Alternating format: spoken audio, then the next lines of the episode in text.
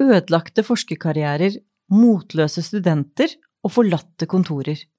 Det er ett bilde av hva koronaepidemien gjør med akademia. Jeg heter Gunn Enli, og i Undervisningsplikten skal jeg se framover mot hva høyere utdanning blir etter korona.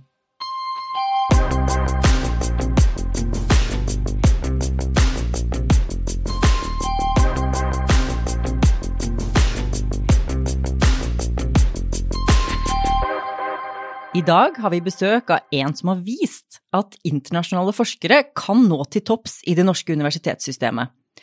Lingvisten og norskamerikaneren Kurt Rice skaffet seg et navn da han som rektor løftet Høgskolen i Oslo og Akershus inn i selveste universitetsligaen.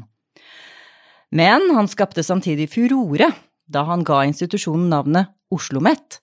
Men hvem savner HiOA i dag? Kurt Rice, velkommen hit. Hyggelig å være her. Du, du har jo ikke helt stoppet opp med å skape overskrifter heller, da. Eh, det kommer stadig utspill fra deg eh, som blir lagt merke til, eh, vil jeg si. Og nå i det siste så har du jo uttalt deg om post-korona og hva vi kan vente oss etter pandemien. Du har for eksempel sagt at du trenger kanskje færre kontorer, og at vi vil få flere som jobber hjemme etter pandemien. Hvordan tror du pandemien kommer til å endre vår sektor liksom framover? Det er et kjempespennende spørsmål, og eh, det kan vi selvfølgelig ikke vite i dag. Men, men det vil være både overraskende og til dels leit om ikke det førte til noen endringer. Altså, arbeidsmåtene har endra seg, måten å være student på har endra seg. Eh, altså, så mye har blitt annerledes at, eh, at, det kommer til å ha langvarige effekter. Det, det tror jeg.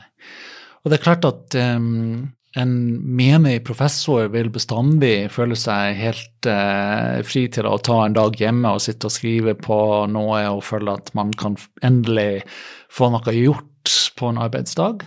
Men administrative ansatte de har ikke hatt så masse muligheter til å jobbe hjemme. Men nå har de hatt det, og det er noen av dem ikke alle, men noen som trives med det, og som tenker at etterpå så har jeg kanskje lyst til å fortsette å kunne jobbe én dag i uka hjemme. Skal vi bare avvise det, eller skal vi gå i en prosess og diskutere ja, hvordan kunne vi få det til? Det syns jeg kan være spennende og interessant å, å diskutere. Mm.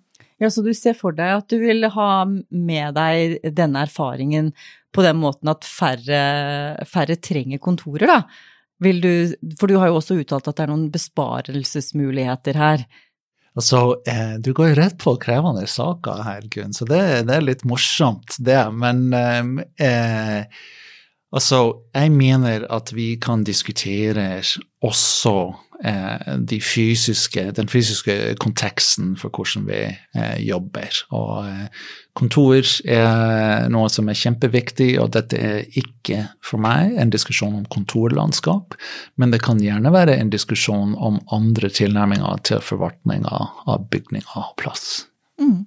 Ja, for vi ser jo nå disse korridorene her er jo tomme Eh, dag ut og dag inn, og det er jo ikke bare i pandemien. Så Og så klart, de, og de er, tomme, de er tomme også uten pandemien.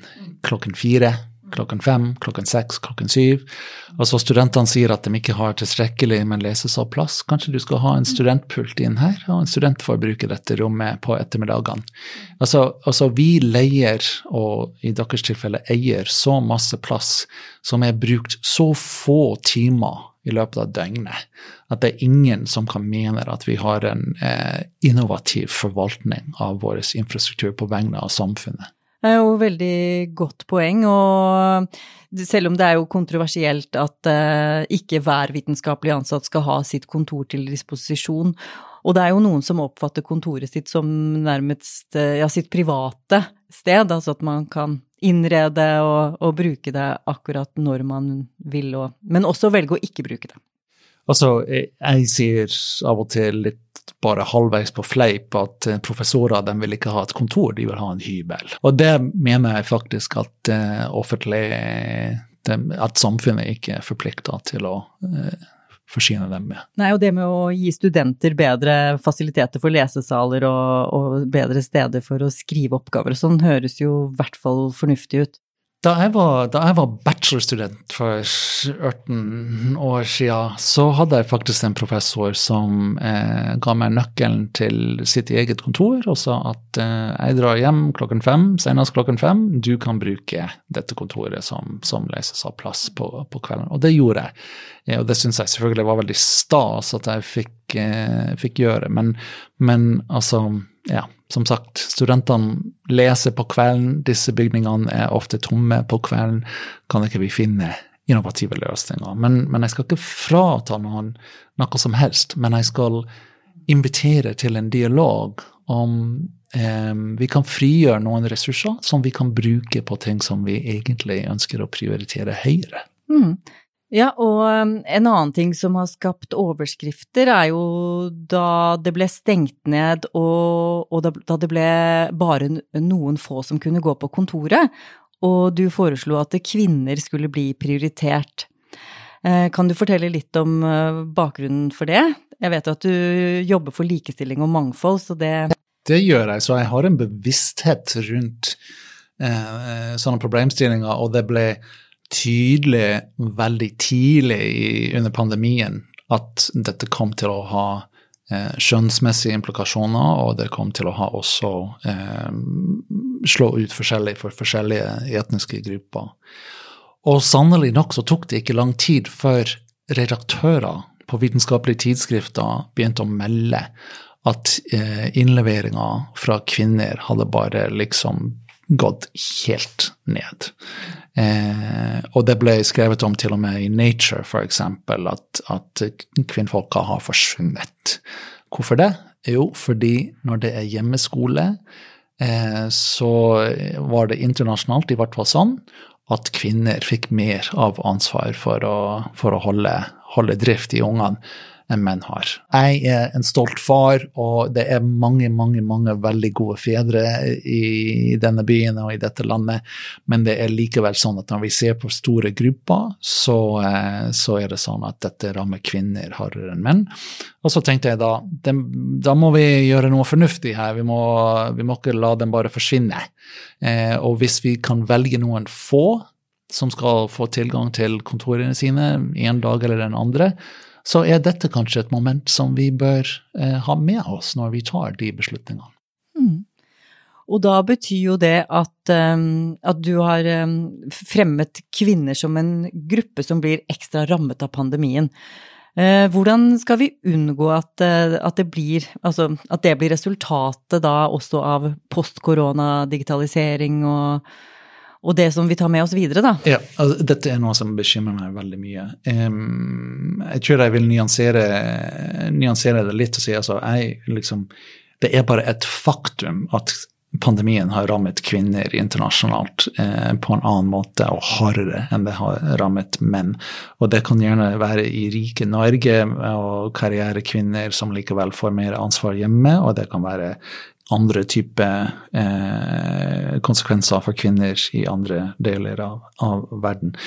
Men i akademiet så er jeg veldig bekymra for at pandemien kommer til å ha kjempelangvarige effekter på karrierene, spesielt til de som er forholdsvis tidlig i karrieren sin nå i dag og det siste, det siste året. Eh, opprykk eh, liksom grants som hviler på å telle publikasjoner og sånt, det kommer til å være jeg vet ikke om jeg skal si en generasjon, men i hvert fall en gruppe som har, blitt, eh, som har opplevd pandemien på en måte som er til skade for deres karriere, og det kommer dem til å være med seg. Altså, vi vet at en forskerkarriere bygger veldig veldig sterkt på det som man klarer å produsere de første åra.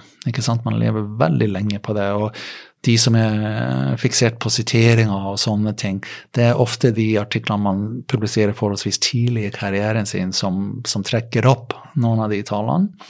Og disse som har vært stakt hjemme mens barnehagene er stengt og sånt, det, det kommer man ikke fort forbi veldig interessant at uh, man får det etterslepet, da.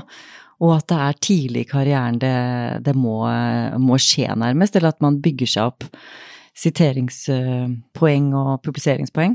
Så disse studentene våre, de er jo også en gruppe som er veldig utsatt. Og nå har vi jo fått resultater fra SHoT-undersøkelsen, som er en utfordring som vi har til felles hele sektoren. Hva tenkte du når du så de tallene?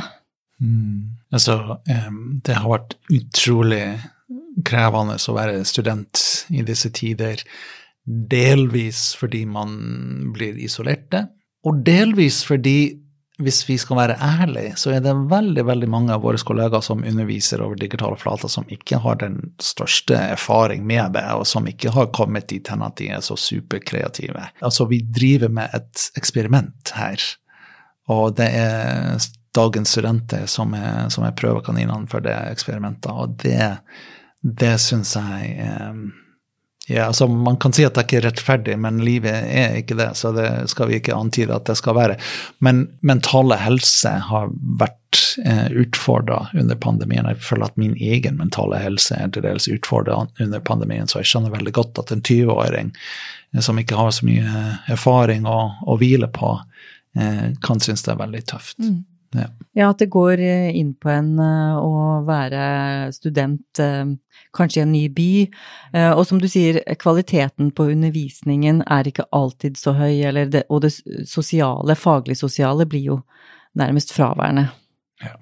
Nei, det er trist. Det er kjempetrist. Jeg lager en liten video i dag til avgangsseremoniene til noen av studentene våre på Oslo OsloMet, og det, det liksom Jeg må bare prøve å berømme dem for å ha liksom stått, eh, stått liksom hele prosessen ut, samtidig som jeg ikke ønsker at, at de skal ha et passivt forhold til pandemien. Jeg vil ikke at folk skal si at liksom pandemien skjedde meg. Mm. Det er ikke det. Altså, you have to play the hand you're dealt, som det heter. Og, og, og dette er the hand we were dealt. Ja.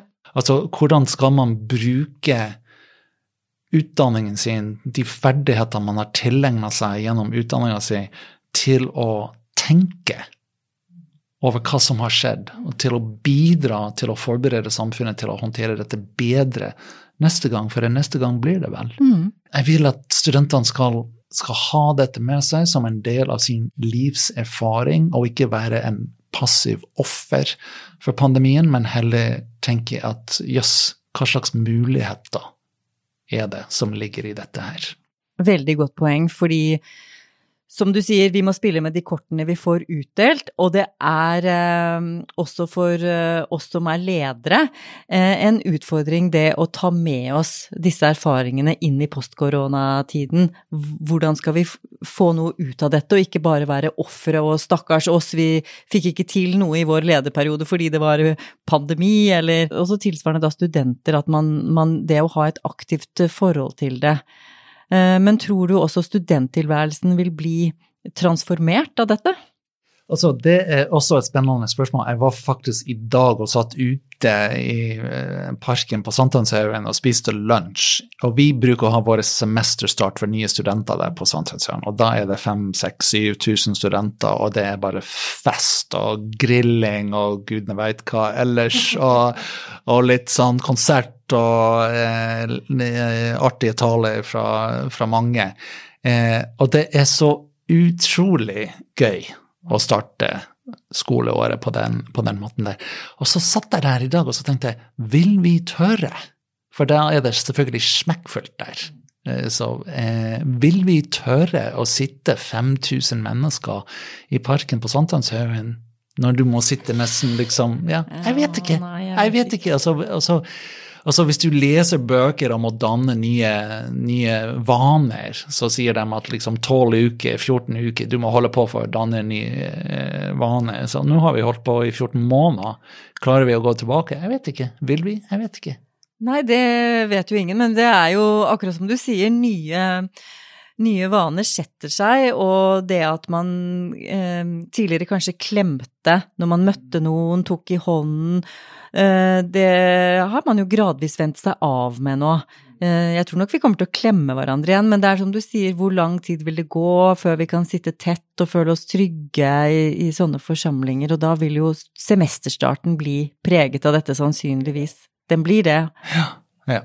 Du er jo også ganske aktiv på Twitter Twitter. Jeg tenkte jeg skulle høre med deg hvordan du mm, syns det fungerer å være liksom rektor på Twitter. Syns du det er eh, gøy, eller syns du det er skummelt, eller altså har du noen gang liksom hatt noen ting du har angra på der, eller har du fått masse ut av det, eller liksom hvordan, mm. hvordan vurderer du det? Nei, altså liksom i utgangspunktet så syns jeg at det er en veldig fin måte å treffe mange på. Ehm, for så vidt både studenter og ansatte vet at, de, at det er lav terskel for kontakt der. Kanskje lavere enn med mail, f.eks. Om det er ting som jeg har angra på, det Det er det jo alltid. Det er det alltid. Jeg vet ikke om jeg klarer å ramse opp et eksempel eh, på det, men, men altså, av og til så kan det gå litt fort i svingene, det kan det vel. Men eh, det ja. Men det er liksom sånn at det, det fordelene utveier eller oppveier det eventuelle negative ved det, og du får mange som kontakter deg, eller Det får jeg hele tida, ja.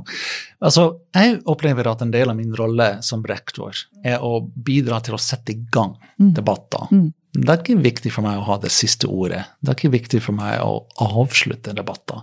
Men noen ganger skal jeg invitere til debatt. Mm. Og det kan man gjøre på forskjellige måter. Og en måte å gjøre det på er å gå ut og, og skrive på Twitter. Altså, I disse tider så, så, er jeg opptatt av dette forslaget i, ny, eh, i utkast til ny UH-loven om å ha to sensorer på eksamener. Mm. Um, og det, det der bruker jeg Twitter til å prøve å engasjere noen ganger og provosere noen ganger og se om altså, Løpet er ganske kjørt for det forslaget, men jeg klarer ikke helt å gi meg. Nei, og det er jo mange stemmer også her på Universitetet i Oslo, meg selv inkludert, som, ville, som er helt enig med deg i at forslaget om to sensorer er uheldig og skaper uheldige konsekvenser for sektoren. Eh, så da vil det jo si at du bruker Twitter som en slags lobbykanal eller påvirkningskanal, men selv om du sier at du er ganske sånn desillusjonert, du tror ikke at det vil fungere fordi løpet er kjørt, eller? Altså, hele sektoren er imot dette forslaget, men studentene er for det. Mm. Altså, vi har i dag en mindretallsregjering, ikke sant? så de er avhengig av støtte fra, fra Stortinget, men det ser ut som om Arbeiderpartiet også kommer til å støtte dette forslaget, og da og det er studentene som har siste ordet? Altså, de, de, må få liksom ros for å ha lykkes med et politisk arbeid. Fordi um, de har klart å sette likhetstegn mellom å støtte denne saken og å støtte studenter. Og det, og det er veldig fornuftig av, av altså f.eks. Eh, de politiske organene blant studentene som, som ønsker å få dette uh, på plass. Men um, ja. Ja, ikke sant. Det, det, er motstridende interesser, og også hvordan man ser på, på saken, da. Jeg, jeg, tror ikke det er motstridende interesser. Nei, det, men tilsynelatende, da. Altså man får i hvert fall ulike fortolkninger av hva som vil være bra praksis for studentene, og hva som vil tjene studentene. Så det Vi har jo andre lignende diskusjoner om begrunnelser, for eksempel, her um, på Universitetet i Oslo. Det har det kanskje dere på Oslo OsloMet også? Om... Det har vi. Og og, og der må jeg innrømme at jeg tenker noe helt annerledes. Altså, jeg tenker egentlig i utgangspunktet at uh, det er litt pussig å gi en eksamen og ikke gi noe tilbakemelding på det. Mm. Det annet enn selve karakteren.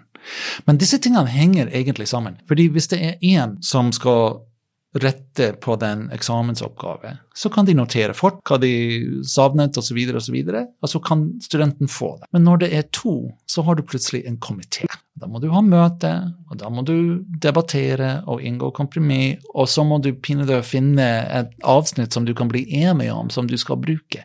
Så, så studentene og, og, for så vidt statsråden hadde, hadde lettere med å få til obligatorisk tilbakemelding hvis de kunne akseptere at det er én person som setter karakteren. Og, den, eh, den, sammenhengen eh, er veldig, veldig lite diskutert, og jeg tror ikke det er så fryktelig mange som har reflektert over det, faktisk. At det henger sammen og hvis man vil ha begrunnelser, så er den beste måten å få det på, er å ha en ordning med én sensor. Det er, det er slik jeg ser saken. Og man skal selvfølgelig ha en klagerett osv., osv., men eh, nei, altså, altså to sensorer det, det, er faktisk forskning på, på høyere utdanning i Norge som viser at altså den debatten, Jeg vet ikke om vi skal egentlig bruke tid på det, det er, det er så helt crazy. Men det hviler blant annet på en fantasi om objektivitet, at det finnes en riktig karakter. Jo, men du har jo helt rett i det, det at øh, det er det det hviler på.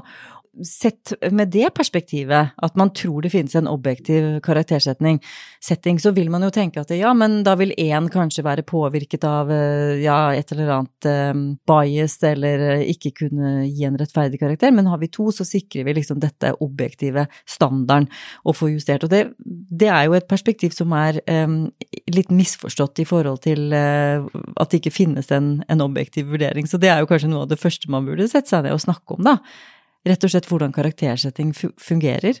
Altså, til og med Kahneman har uh, i, i, den boka 'Thinking Fast and Slow' diskuterer litt at den rekkefølgen du leser eksamensoppgaver i, påvirker den karakteren du setter. Så når, hvis du skal ha to, og de skal bli enige, så bør de f.eks. lese oppgavene i samme rekkefølge, kanskje. Og hvor, hvor, dumt blir det å begynne å Ja, eller motsatt, da, kanskje. Så alle som har vært med i sånne kommisjoner, har opplevd at de kommer inn og de sier ja, den eksamen der, hva du hadde? Jeg hadde B. Hva du hadde? Jeg hadde D. Å ja, hvorfor det? Hvorfor det? Skal vi si C?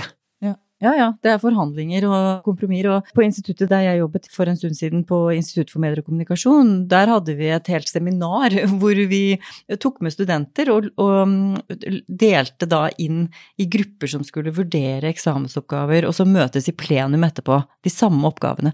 Og de fikk jo sjokk, de studentene, fordi det var gitt så ulike karakterer på disse eh, eksempeloppgavene som vi brukte, da. Så det er en øvelse som er veldig nyttig hvis man tror det er en objektiv sannhet man skal fram til, da. Mm. Men vi eh, kommer ikke helt i mål med alle Nei. disse politiske diskusjonene, Kurt. Så jeg vil bare takke deg for at du kom. Altså, du er jo født i Minnesota, stemmer det? Nei, det stemmer ikke. det. Nei. Jeg har vokst opp i Minnesota, men jeg er faktisk født i New York. Født i New York, ja. Yeah. Ok. ok. Men jeg var fire år gammel da vi flytta til Minnesota.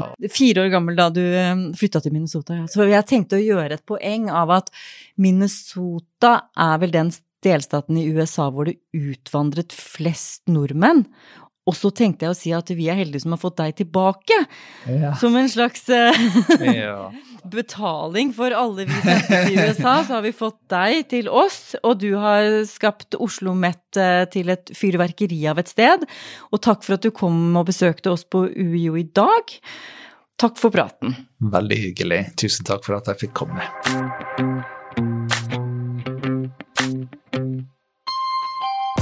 Takk for at du hørte på Undervisningsplikten.